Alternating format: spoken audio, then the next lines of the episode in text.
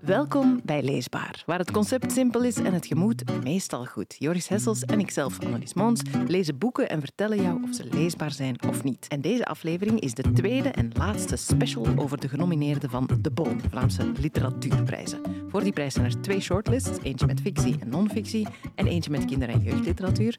En wij bespreken al die boeken uit die lijstjes door elkaar. Twee van deze boeken uh, zullen een BON winnen. Ja. De vijf die vandaag op onze tafel liggen zijn Dealersdochter van Astrid H. Roemer. Vandaag houd ik mijn spreekbeurt over de Anaconda van Bibi Dumontac en Annemarie van Haringen.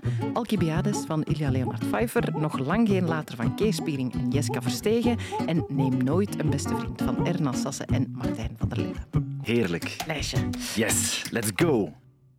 Het leuke aan uh, deze afleveringen uh, omtrent de boon, of de genomineerden voor de boon, die we aan het bespreken zijn, is dat er af en toe schoon volk over onze spreekwoordelijke vloer komt en aan onze tafel komt zitten. En ik zie u glunderen van plezier. Klopt. Want de volgende gast die wij mogen ontvangen, dat is eigenlijk een collega. Meer ik denk ook een collega. beetje een vriend van u. Hè? Klopt helemaal. Uh, dag Evert Venema. Dag Annelies, van jou toch ook een vriend? Joris? Zeker, zeker, zeker Evert. Maar ik wou, het, ik wou de eer nu eventjes aan Annelies laten. Je hebt een prachtige bril aan, dat zien de luisteraars niet. uh, maar uh, voilà, wil Anders ik jou bij ik deze voor complimenteren. Dag Evert en welkom Dag. bij Leesbaar. Um, we, we, gaan het hebben over uh, een, een, boek dat ook genomineerd is voor de Boon. Dealersdochter van Astrid H. Reumer. Um, Dealersdochter is een heerlijke allitererende titel. Had je al van uh, de schrijfster gehoord? Ik had haar al wel eens in talkshows gezien. Ze is uh, wel een bekende gast in Nederland. En ik moet je meteen corrigeren, want ik denk dat het Roemer is. Roemer. Zo zegt ze het zelf toch? Ja, ik zie uh, Annelies ook knikken. Uh, nee, voilà, geen probleem. Roemer. Nee, ja, ze, is wel, ze is graag gezien en ze wordt veel, uh, komt te praten in talkshows en in, naast boeken schrijven doet ze ook dat eigenlijk. Ook een beetje controversieel geweest. Um, ze heeft de prijs der Nederlandse letteren ooit gewonnen. PC Hoofdprijs ook, dus de Boon Literatuurprijs is maar een klein prijsje voor haar, denk ik. Ja. Uh, en die prijs voor Nederlandse letteren, die zou koning Filip aan haar uitreiken. Maar dat is niet doorgegaan, omdat ze iets gezegd had over Daisy Bouterse in Suriname. Had daar eigenlijk wat te veel begrip voor getoond. Maar ik vind als je haar kent, als je haar boeken kent, ik had er een paar van gelezen en als je dit ook leest, um, begrijp ik wel wat ze bedoelt. Daisy Bouterse is natuurlijk een omstreden figuur, maar zij bedoelde eigenlijk uh, dat die man tenminste niet aan de leiband van de Nederlanders liep, dat hij zijn eigen ding deed en dat ze daar bewondering voor had. Oké, want veel van wat zij schrijft uh, is eigenlijk uh, ingebed of, of is eigenlijk, gaat eigenlijk over Suriname. Voor dit boek moet je echt inderdaad ja, de, de verhoudingen in Suriname kennen. Ik heb die ook leren kennen door dit, uh, door dit boek. Want een heel belangrijke figuur waarmee het begint is Brandon. Ja. Je hebt het ook gelezen. Klopt. Het vertelt eigenlijk vier verhalen. Hè? Het, is, het, zijn, het zijn eigenlijk vier personen die eruit gelicht worden, als ik dat mag zeggen. Het begint bij Brandon, dan gaan we naar... Um, naar Boris. naar Boris, dan gaan we naar uh, Aqua. Aqua en dan gaan we naar Elo. Elo. Elo. En dan nog naar Carmen. Ja, dus vijf eigenlijk, klopt. Het zijn er vijf. En ja. die vijf zijn eigenlijk uh, alle vijf personen die uh, de gevolgen ondervinden van een moord die 23 jaar eerder gepleegd is op Heli. Uh, en wat ik wel grappig vond, ze heette Astrid Haroemer en die H staat voor Heligonda. Ah, dus ik denk dat die Heli, dat dat van haar naam komt. Oké. Okay. Um, en die hebben daar eigenlijk allemaal onder geleden. En je hoort hoe ze daarmee om zijn gegaan en hoe die moord eigenlijk in hun leven een bepalende rol heeft gespeeld en hoe ze daaruit komen. Ja. Uh, en wat ik speciaal vond, ik had dat eigenlijk nog nooit eerder in een boek gezien, is dat je in elk hoofdstuk val je midden in een scène mm -hmm. en het duurt een paar bladzijden voor je doorhebt hoe die scène verbonden is met de vorige scène. Ja. Ik heb het ook twee keer gelezen, omdat het niet zo dik is. En de tweede keer ontdekte ik nog veel meer draadjes die aan elkaar hingen. Ja. En wat ik helemaal speciaal vond, is dat ik dan van haar gehoord heb dat ze die hoofdstukken niet in deze volgorde geschreven heeft. Ja. Um, kan jij iets zeggen of kan jij onder woorden brengen van, als je het hebt over de, de stijl van schrijven, hoe zou je dat omschrijven? Kort en krachtig, de korte zinnen, hè, dat valt heel erg op. Kan soms ook hard zijn, er, er staan harde seksscènes in het boek, vond Dat is heel bruut bij momenten, vind Ja. ik. Wel, ja. Zoveel dat, dat ik er bijna ongemakkelijk van werd. Ja. En die, die, die seksscènes zijn voor haar ook heel belangrijk, uh, heb ik van haar gehoord. Maar soms ook heel poëtisch, vond ik. Uh, Ik heb een paar zinnetjes opgeschreven, als het mag. Jazeker. Zeker. Eens eventjes zoeken. Wacht, wat hoor. Je bent de best voorbereide gast die we ooit in deze ja. podcast gehad hebben. Zo, dat, dat is één van de redenen waarom ik jou graag zie. Eén van de wel. Hè? Ik bereid veel voor. Ja. Ehm, ik had, eh, ik, een poëtisch zinnetje vond ik bijvoorbeeld, het was alsof haar gedachten zich wikkelden om elk voorwerp. Dat is een heel simpel zinnetje. Ja. Maar als ik daar dan, dan denk, ja, ik doe dat ook. Als ik zo echt aan iets denk en op iets focus, dan richten mijn ogen zich op iets, op, op deze koffiekop. Ja. En daar wikkelen mijn gedachten zich dan om. Ehm, nog mooier vond ik over Brandon, die een beetje stuurloos is in Amsterdam. Als de metro in Amsterdam is zijn leven, het gaat maar door en er is geen uitzicht. Het kan doorlopend van plaats verwisselen. Eh, wat mij ook opviel was dat ze in sommige zinnetjes zo het werkwoord op een Surinaamse plaats zet. Mhm. Bijvoorbeeld, ehm, hij wist zeker dat zij zaten in hetzelfde vliegtuig. Wij zouden zeggen, hij wist zeker dat ze in hetzelfde vliegtuig zaten. Dat komt verschillende keren terug en daardoor krijgt het boek voor mij ook een Surinaams gevoel. Ja, en eh, wij zijn allebei eh, witte mannen van boven de 40, mogen we zeggen. Wat resoneert er het meest uit, uit dat boek in uw verbeelding? De onderworteling van heel veel van die personages eh, in de witte maatschappij. Mhm. Moeten we het verhaal in een nutshell ik, ik denk het wel. Heb Ja. jij daar nood aan? Ja, ik, ik ja, weet nu alleen gaan we het al doen. Brandon en ik ken wat namen, maar nog niet hoe ze, wie ze zijn. Goed juist in elkaar zit. Dus Dealersdochter is eh, deel 2 van een trilogie. Het vorige boek heette Gebroken Wit. Dat eh, had als hoofdpersoon Hedy, over wie we het al gehad hebben. Eh, Mhm. Die trouwt met Boris, een Nederlander. Komt naar hier en in dit boek is Haley dus vermoord. Dat heeft iets met drugs te maken. Ehm, en zij heeft een dochter, Elu, met Boris. En zij wordt vermoord mede door Brandon, over wie we het al gehad hebben. En Brandon heeft ook een dochter, Aqua. Die wordt geboren nadat hij in de gevangenis zit en heeft, weet eigenlijk niet aanvankelijk dat Brandon haar vader is.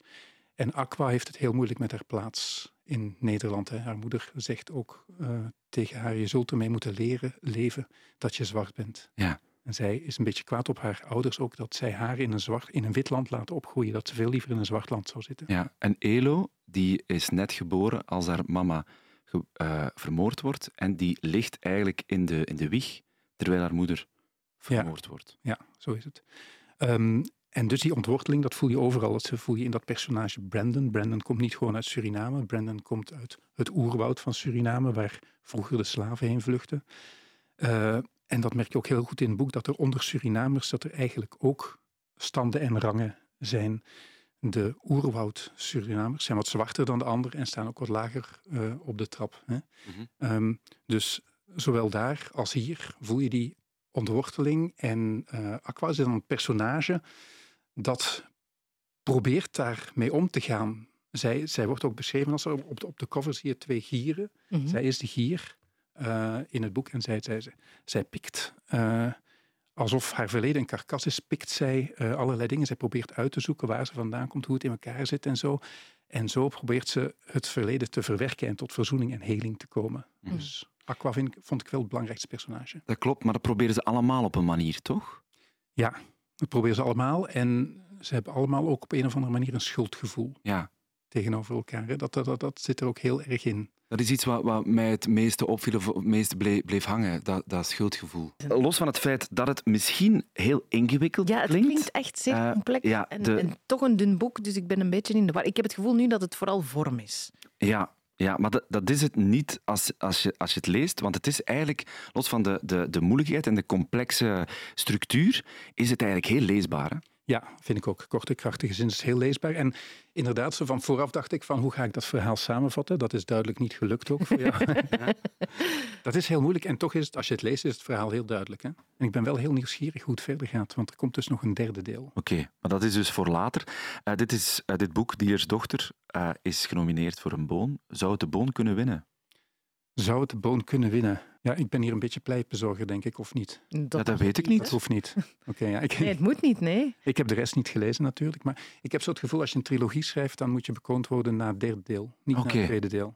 Eh, of het eh, de boon zal winnen, dat is koffiedik kijken. En laten we eh, aan mensen over die dat eh, voor ons gaan beslissen. Mhm. Maar of het een leesbaar boek is, daar kunnen we allebei eh, heel erg ja op antwoorden, toch? Leesbaarder dan veel boeken van Louis Paul Boon zelf, denk ik. Die uitspraak uh, laat ik aan jou, uh, Evert Venema. Maar, uh, Die ik wel gelezen heb, want ik vind, ik vind leesbaarheid niet... Voor mij, boeken blijven dikwijls wat langer hangen als ze wat minder leesbaar zijn, als ik er wat moeite voor moet doen. Okay. Dus als ik zeg dat Louis Paul Boons boeken niet allemaal even leesbaar zijn, dan is dat niet zeg je negatief bedoeld. Want nee, eerder als een compliment. Want als een boek te leesbaar is, dan ben ik het ook de volgende week weer vergeten. Ja, maar wat dus niet voor dit boek, Dealers Dochter, uh, geldt, hè? Nee, dat geldt niet voor dit boek. Je hebt het twee keer gelezen en je zou het graag ook nog een derde keer lezen. nee, en liefst ook met dat derde twee, boek erbij. Twee keer was wel genoeg. Toen wij jou vroegen van wil je een boek uit de lijst van de, van de Boon lezen, dan wou je wel heel graag dit boek lezen, omdat je ook iemand kent met roots in Suriname? Mijn kapper. Okay. Mijn ex-kapper eigenlijk, uh, want hij is er uh, mee gestopt. Maar um, die vertelde heel veel over Suriname. Die had nog familie, een broer in Suriname, die een beetje op het verkeerde pad dreigde te raken. Die daar heel veel over vertelde aan mij. Ook over zijn plaats hier. Hij was ook met een uh, Belgisch getrouwd, met een Vlaamse, had daar kinderen mee.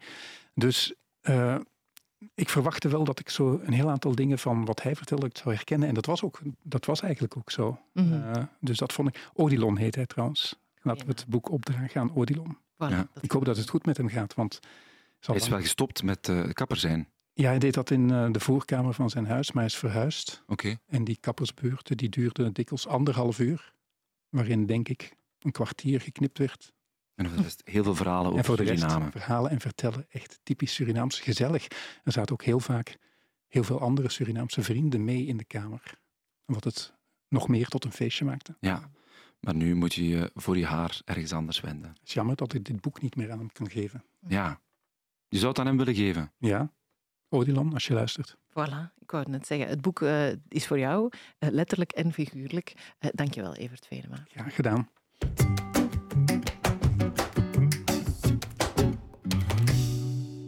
Het volgende boek uh, dat we bespreken is Nog lang geen later, uh, ja. van Kees Spiering en Jeska Verstegen. Mag ik zeggen, een hele mooie titel. Een van de mooiste titels in uh, de, de, de oogst van, van de genomineerden van de, van, van de Boon. Mm -hmm. ik, ik, heb daar wel iets mee, ja, wat, met, met wat, die titel. Wat voel je bij die titel? Ja, ik voel uh, zeker ook in combinatie met de, de prachtige illustratie op de cover van, van die Jeska Verstegen, waar jij al over sprak.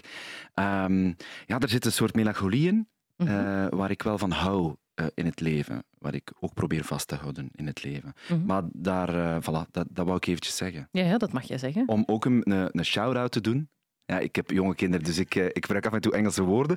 Um, een shout-out te doen naar de illustrator, of de illustratrice in, deze, in dit geval, Jeska Verstegen. Ja, het is wel bijzonder. Misschien moeten we daar ook beginnen. De, de, de cover is vrij kleurrijk. Mm -hmm. En dan heb je twee zwarte schimmen die elkaar vasthouden, die op een tafel staan. Klopt. Um, en er staat ook een fles. Dat is een detail dat misschien niet belangrijk is. Maar het, is wel, het spreekt wel tot de verbeelding. En dat doet ze wel vaker. Zo die schimmen, die komen het hele boek terug. Ja. Um, die elkaar vasthouden ook vaak. Of, het is vaak, ook, ja, vaak met veel zwart en dan toch ook wel kleuren. Maar het zijn wel allemaal...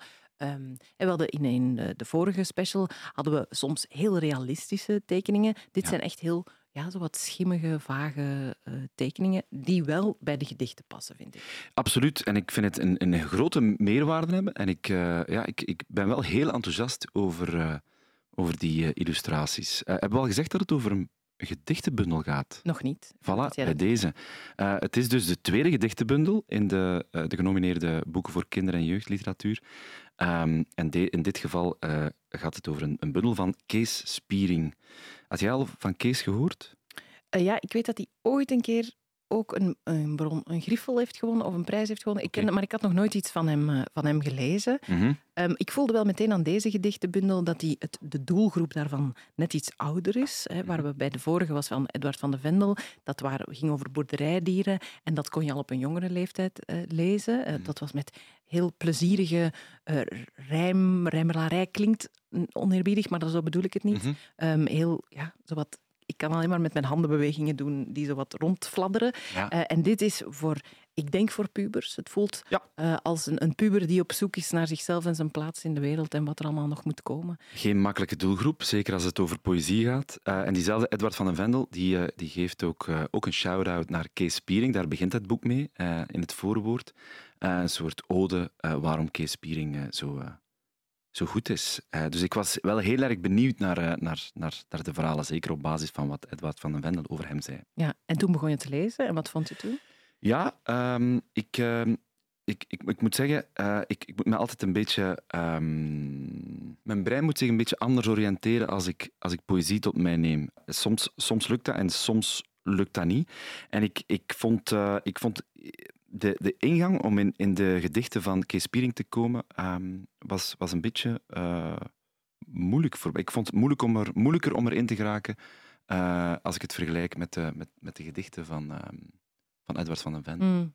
Ja, dat had ik ook wel. Want Edward van den Vendel die zei in onze vorige aflevering ook dat je, je wil eigenlijk een hand mm. die je bij, de, bij je kraag komt grijpen en in die gedichten trekt. En dat had, had ik bij dit moeilijker. Ja. Misschien heeft dat er ook mee te maken dat een puber niet graag bij zijn kraag gepakt wordt. Mm -hmm. uh, en dat, dat, dat weet ik niet zo goed.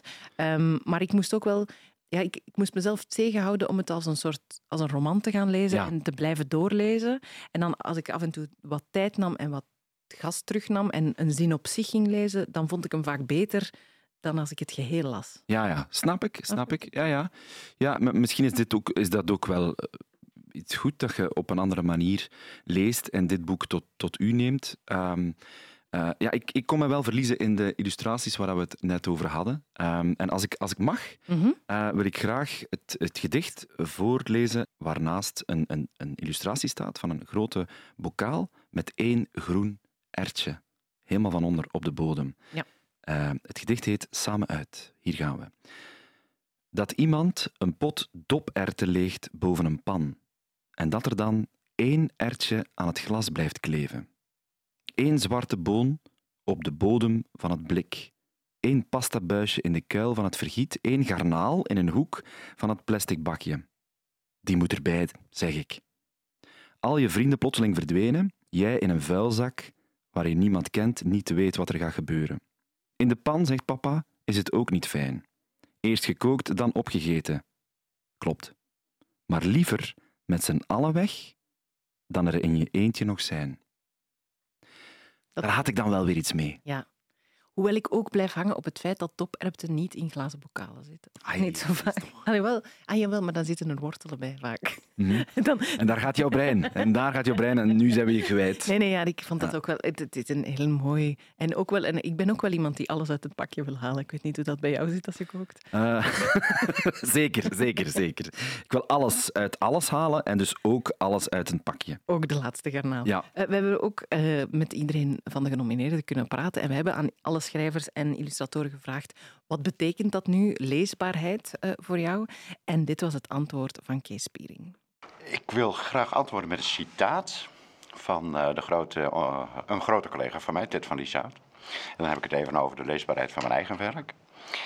Ted heeft ooit geschreven in een Nederlandse krant... Um, Kees maakt de taal bijzonder door de taal gewoon te laten. En dat is eigenlijk mijn antwoord op je vraag. Dus uh, in mijn werk zul je nooit een uh, hoogdravend woord aantreffen. En ik, niet dat ik op mijn knieën voor mijn publiek schrijf, helemaal niet. Maar uh, ik verkies beelden boven woorden. Dus een, een, ik, gebruik zoveel mogelijk beelden. Woorden, ja, zijn maar woorden. Dus een woord als liefde of verdriet of, of pijn zul je bij mij nooit aantreffen. Daar moet je een beeld voor vinden en dat in gewone taal. Dat is voor mij, voor mijn werk, leesbaarheid. Uh, ja, het, het, houdt wel steek wat, wat ik hem hoor zeggen. Um, hij gebruikt gewone taal, maar soms um, vind ik het moeilijk om bij die beelden die hij dan voor ogen heeft, om daarbij te geraken. Mm. En dan ben ik blij dat die illustraties daar zijn, uh, om mij wat te helpen. Um, en soms zit het in één zin die, die bij mij heel erg resoneert. Uh, dus ik vind het zeker een leesbaar boek. Um, en een, een, heel genietbaar boek.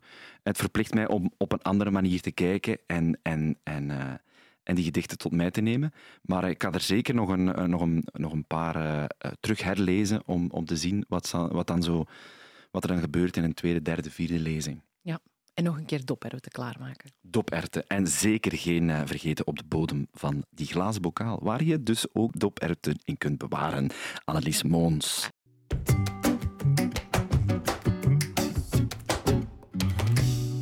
We hebben nog een boek, want zo gaat het in deze podcast. Ja. We hebben er vijf in deze specials die we bespreken. Het is net niet het dikste boek dat in die uh, genomineerde lijst staat, want het dikste boek hebben we in de vorige aflevering besproken, dat is die biografie van Paul van Ostaaien. Mm -hmm. Maar dit, uh, ja, dit komt toch aardig in de buurt als het dikste boek ja, op dit en moment. Ook het boek dat heel vaak verkocht is vorig jaar in alle boekhandels.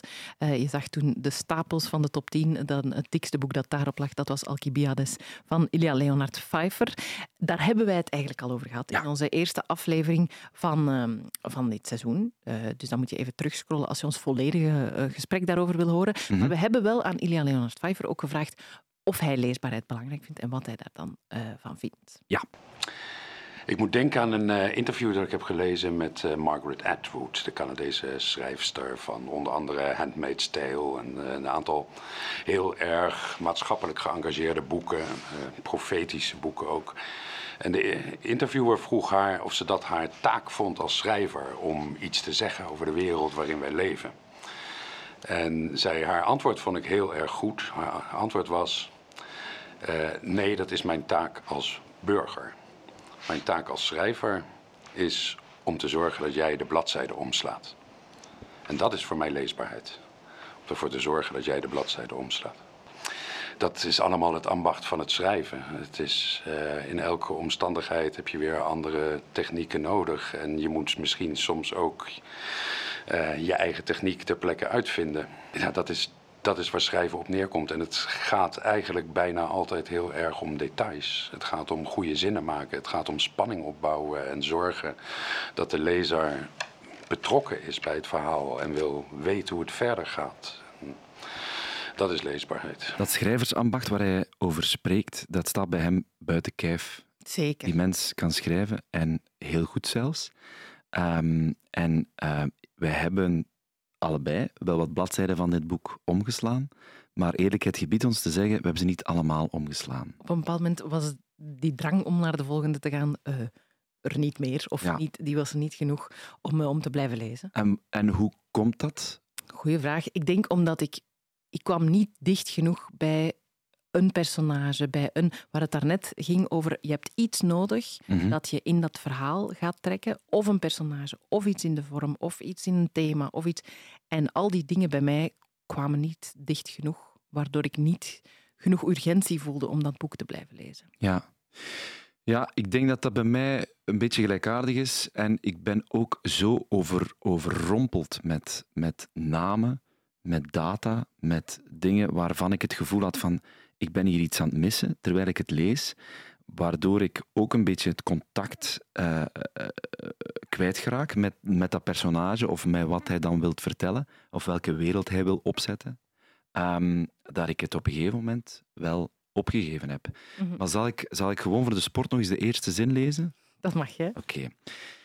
Ik heb niet de reputatie dat ik snel geneigd ben tot schaamte. En hoewel ik begrijp dat ik deze reputatie met mijn daden vaker heb gevoed dan ontkracht, heb ik ooit een man gekend die in elk opzicht zo evident superieur aan mij was dat ik mij schaamde zodra ik hem zag. En ik vraag jullie mij te geloven als ik zeg dat ik op sleutelmomenten in mijn leven, toen ik mij gedwongen zag beslissingen te nemen die bepalend waren voor mijn carrière en voor de toekomst van onze stad, zijn satierkop met wijd open gesperde neusgaten en uitpuilende ogen voor mij zag en werd vervuld van schaamte bij het besef van mijn eigen ontoereikendheid.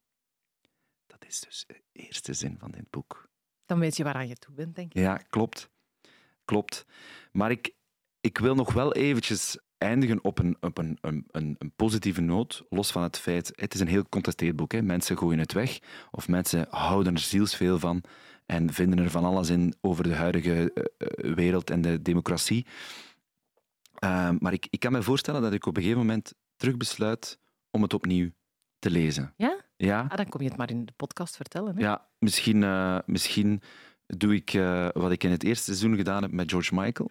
Uh, een soort lange spanningsboog van een heel jaar. Misschien doe ik dit met Alcibiades. Oké. Okay. Um, wat ik niet voor elk boek doe.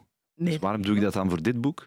Omdat ik denk, ja, um, dit is nu genomineerd voor een prijs. En ik denk, als ik de bookmakers mag geloven, maakt het ontzettend veel kans om die prijs weg te kapen of binnen te halen. Dus ik denk, misschien moet ik er dan toch nog eens aan beginnen. Dus later daarover meer. Maar voorlopig niet het meest leesbare boek van dit moment, om niet te zeggen, eigenlijk niet leesbaar voor ons. Klopt.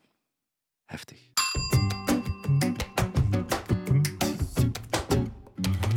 We gaan over naar het, het volgende boek, Annelies Zeker. Moons. En dat is er eentje uh, terug uit de categorie kinder- en jeugdliteratuur. Klopt, en een beetje voor dezelfde doelgroep als het vorige. Neem nooit een beste vriend van Erna Sassen.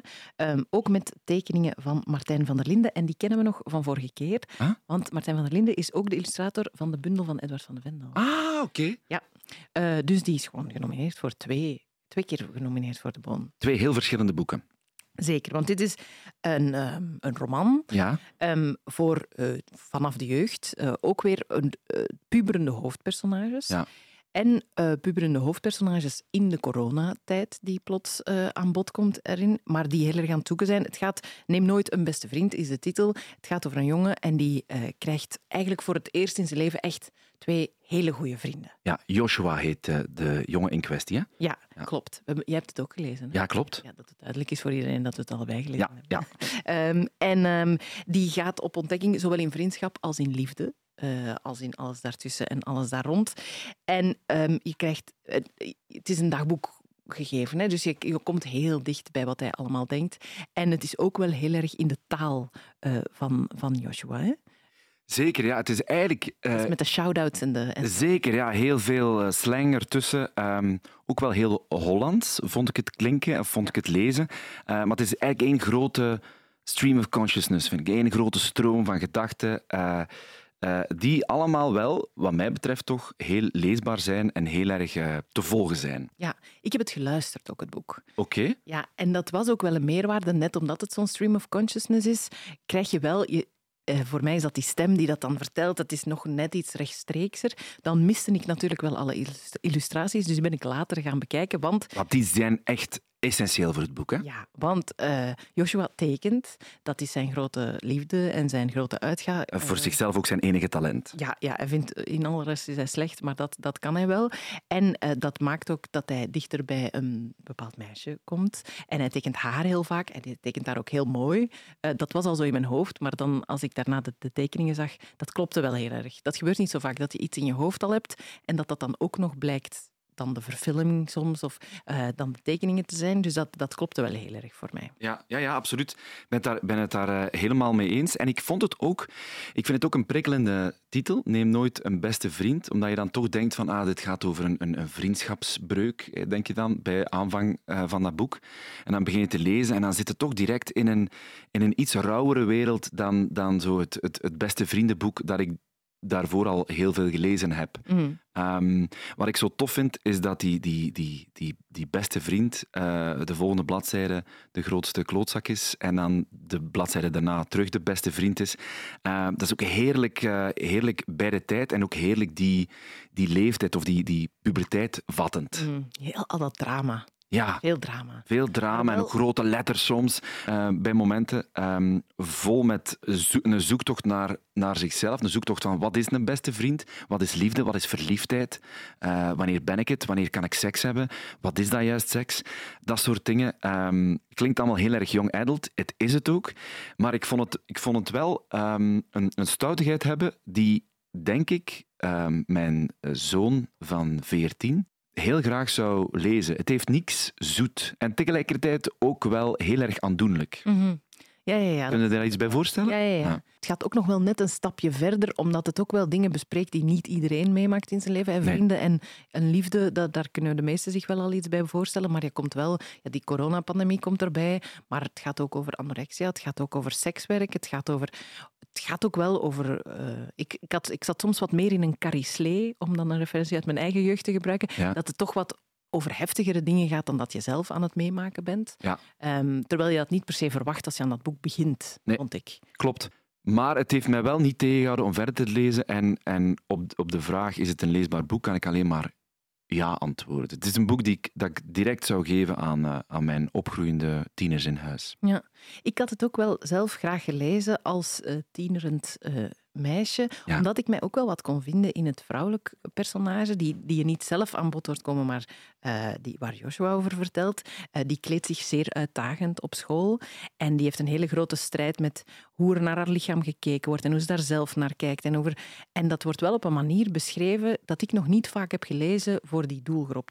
in volwassen literatuur kom je dat wel eens tegen, of in non-fictie. Mhm. Maar dat vond ik wel bijzonder om te lezen, zeker vanuit dat perspectief van een jongen die daar dan ook wel naar zit te kijken en dat ook wel spannend vindt om daar naar te kijken, maar dan tegelijk daar ook wel zich wat schuldig over voelt en zo. Dus ik vond dat wel dat dat veel lagen uh, kreeg. En dat vond ik wel bijzonder. Dus ook voor mij uh, een, zeker een leesbaar boek. We hebben die vraag ook uh, gesteld natuurlijk aan Erna Sassen zelf. Geweldig avontuur. Als, als daar geen herkenbare personages in zitten, of, of, of, de personages maken geen ontwikkeling door, dan interesseert dat me echt helemaal niks. Ja, andersom, als je zeg maar, een slecht verhaal, of een, een matig verhaal met een heel overtuigend karakter zou hebben, zou je dat, uh, hou je het dan wel vol, zeg maar?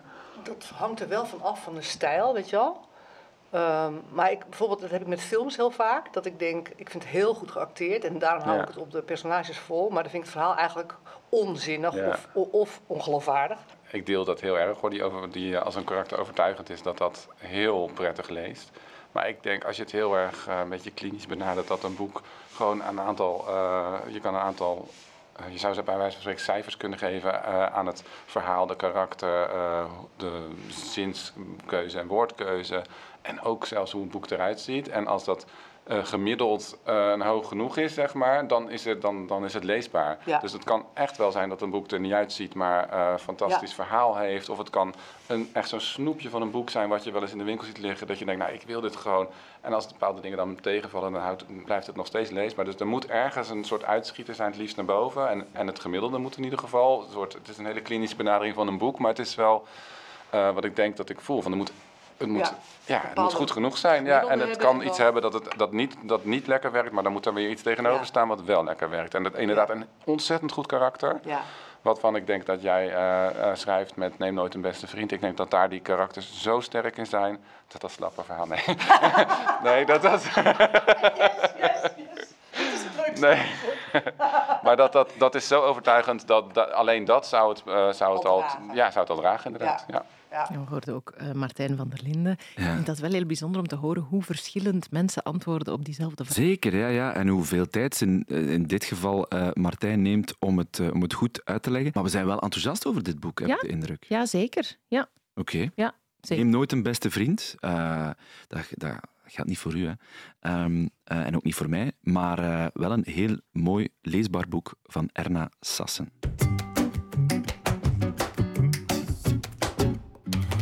Mag ik u iets vragen, Annelies Moons? Zeker. Als ik zeg spreekbeurt, wat gebeurt er dan in uw hoofd? Uh, twee dingen. Ik uh, denk aan paarden, want al mijn spreekbeurten gingen over paarden. Oké. Okay. Deed je dat graag?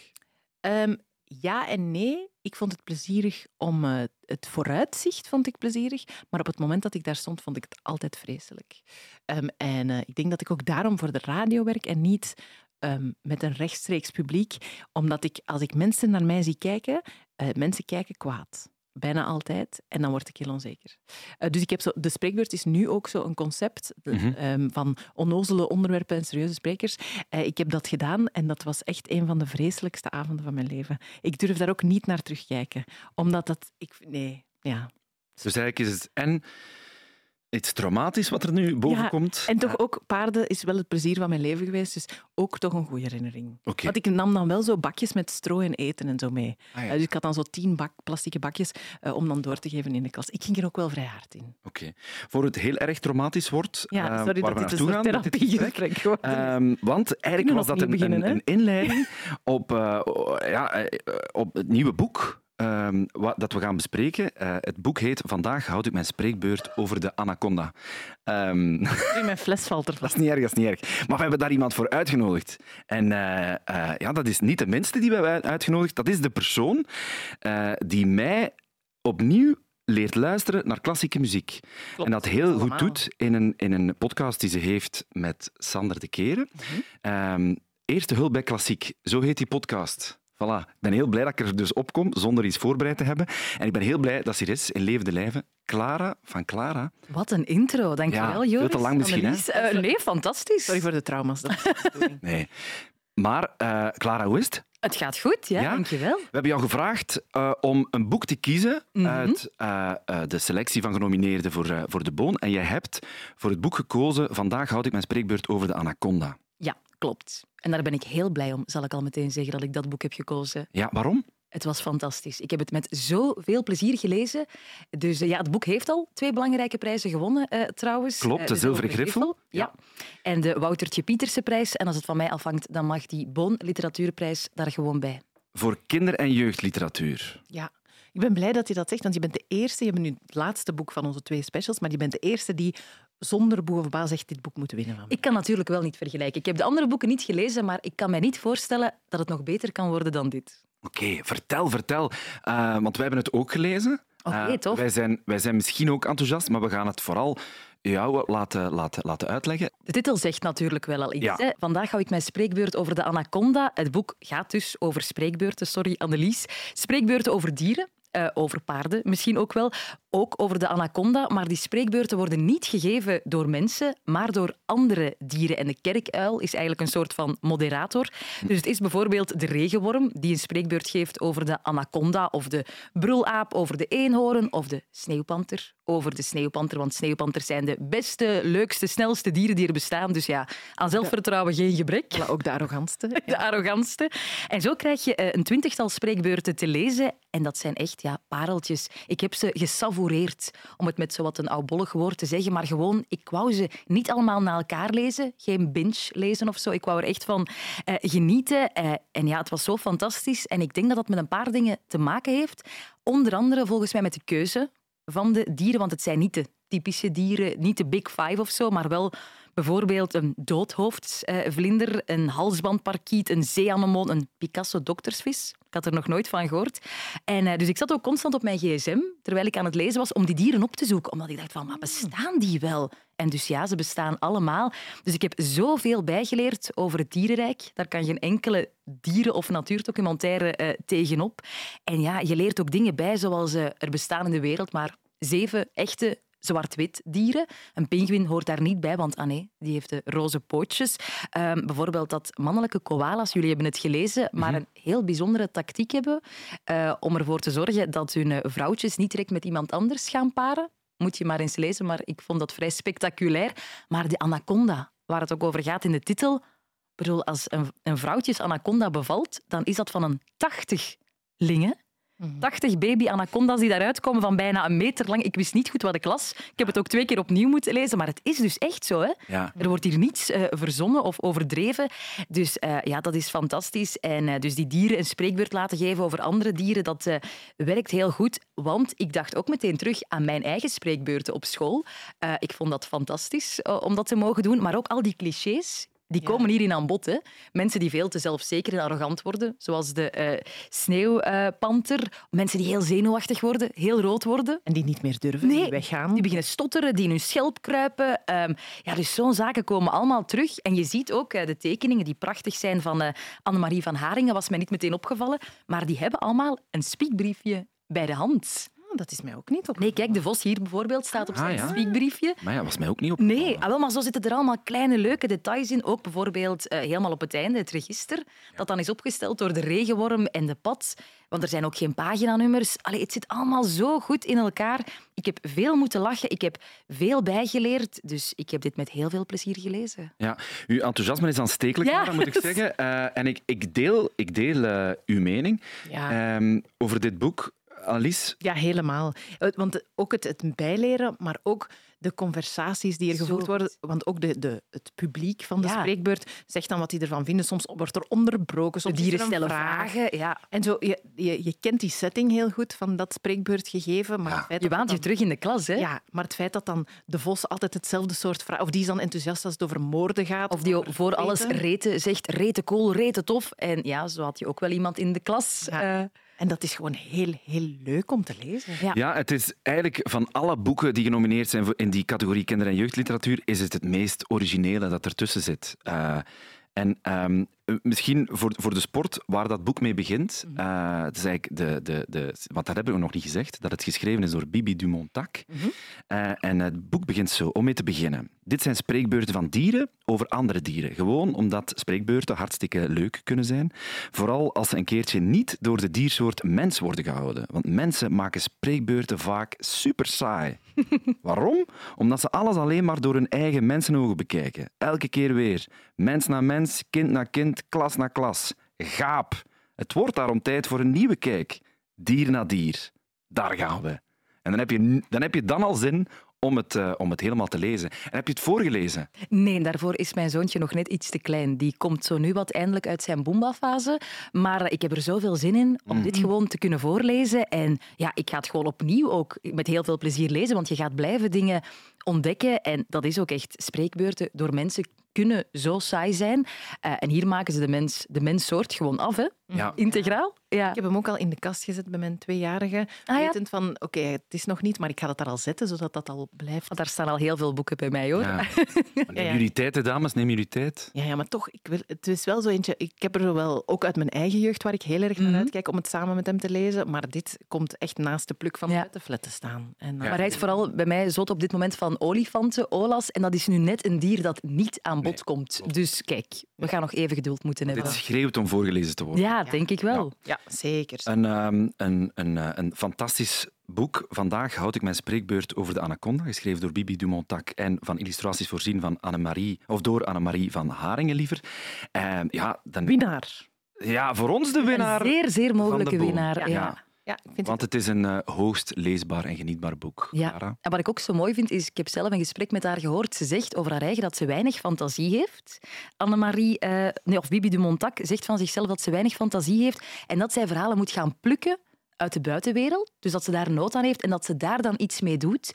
Wel, maar ik vind dit boek getuigen van zoveel fantasie. Uh, dus ja, daar ben ik het eigenlijk niet mee eens wat ze daar zegt. En geestig ook vooral. Ik heb zo goed gelachen. ik heb daar zo'n fijn gevoel aan overgehouden. En dat mag ook wel eens in deze iets wat verwarrende wereld waarin we nu op dit moment aan het leven zijn. Mee eens. Amen.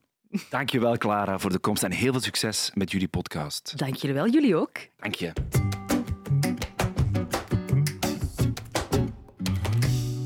Hè, hè? Oeh. Amai. Tien boeken van de Boon in twee afleveringen wel te verstaan, maar toch... Ja een stevige oogst. Moeten we iets van pronostiek uh, doen of doen we daar niet aan? Wel, uh, zal ik zeggen wat er voor mij mag winnen? Ja. Um, in, de, in de kinder- en jeugdcategorie mag voor mij met stip winnen. Vandaag houd ik mijn spreekbeurt over de Anaconda door Bibi Dumontac en Annemarie van Haringen. Klopt, vind ik ook. En in, uh, in de volwassenencategorie um, moet ik zeggen dat Dealersdochter mij het meest uh, aangegrepen heeft. Uh, zowel qua structuur als qua inhoud van Astrid Roemer. Oké. Daar kan ik nog niks over zeggen, want die heb ik nog niet gelezen. Maar ik ga hem lezen, want ik denk dat ik het met jou ga eens Bij de andere, daar vond ik niet per se al een opvallende winnaar. Ja. Of een, uh, daar stak nog niks met kop en schouders erbovenuit. Dus ik ben benieuwd. Uh, laat ons vooral weten, als jij een pronostiek hebt, uh, als je deze podcast hoort, lees mee, vrt.be. Of um, je mag daar ook altijd zeggen van, kijk, ik heb dat boek hier gelezen, iedereen vindt dat leesbaar en ik niet. Kunnen jullie daar eens over oordelen? Dat mag ook op datzelfde adres. Heel graag. Um, want dan kunnen we dat ook behandelen. Mm -hmm. En we hebben ook nog goed nieuws. Ja. Want we zijn er volgende maand Twee keer. Ongelooflijk. Eén keer live op Vaar, Boekenfestival in Oostende, waar je ook naartoe kan komen op 9 maart. Uh, daar gaan we een aflevering opnemen over non-fictieboeken.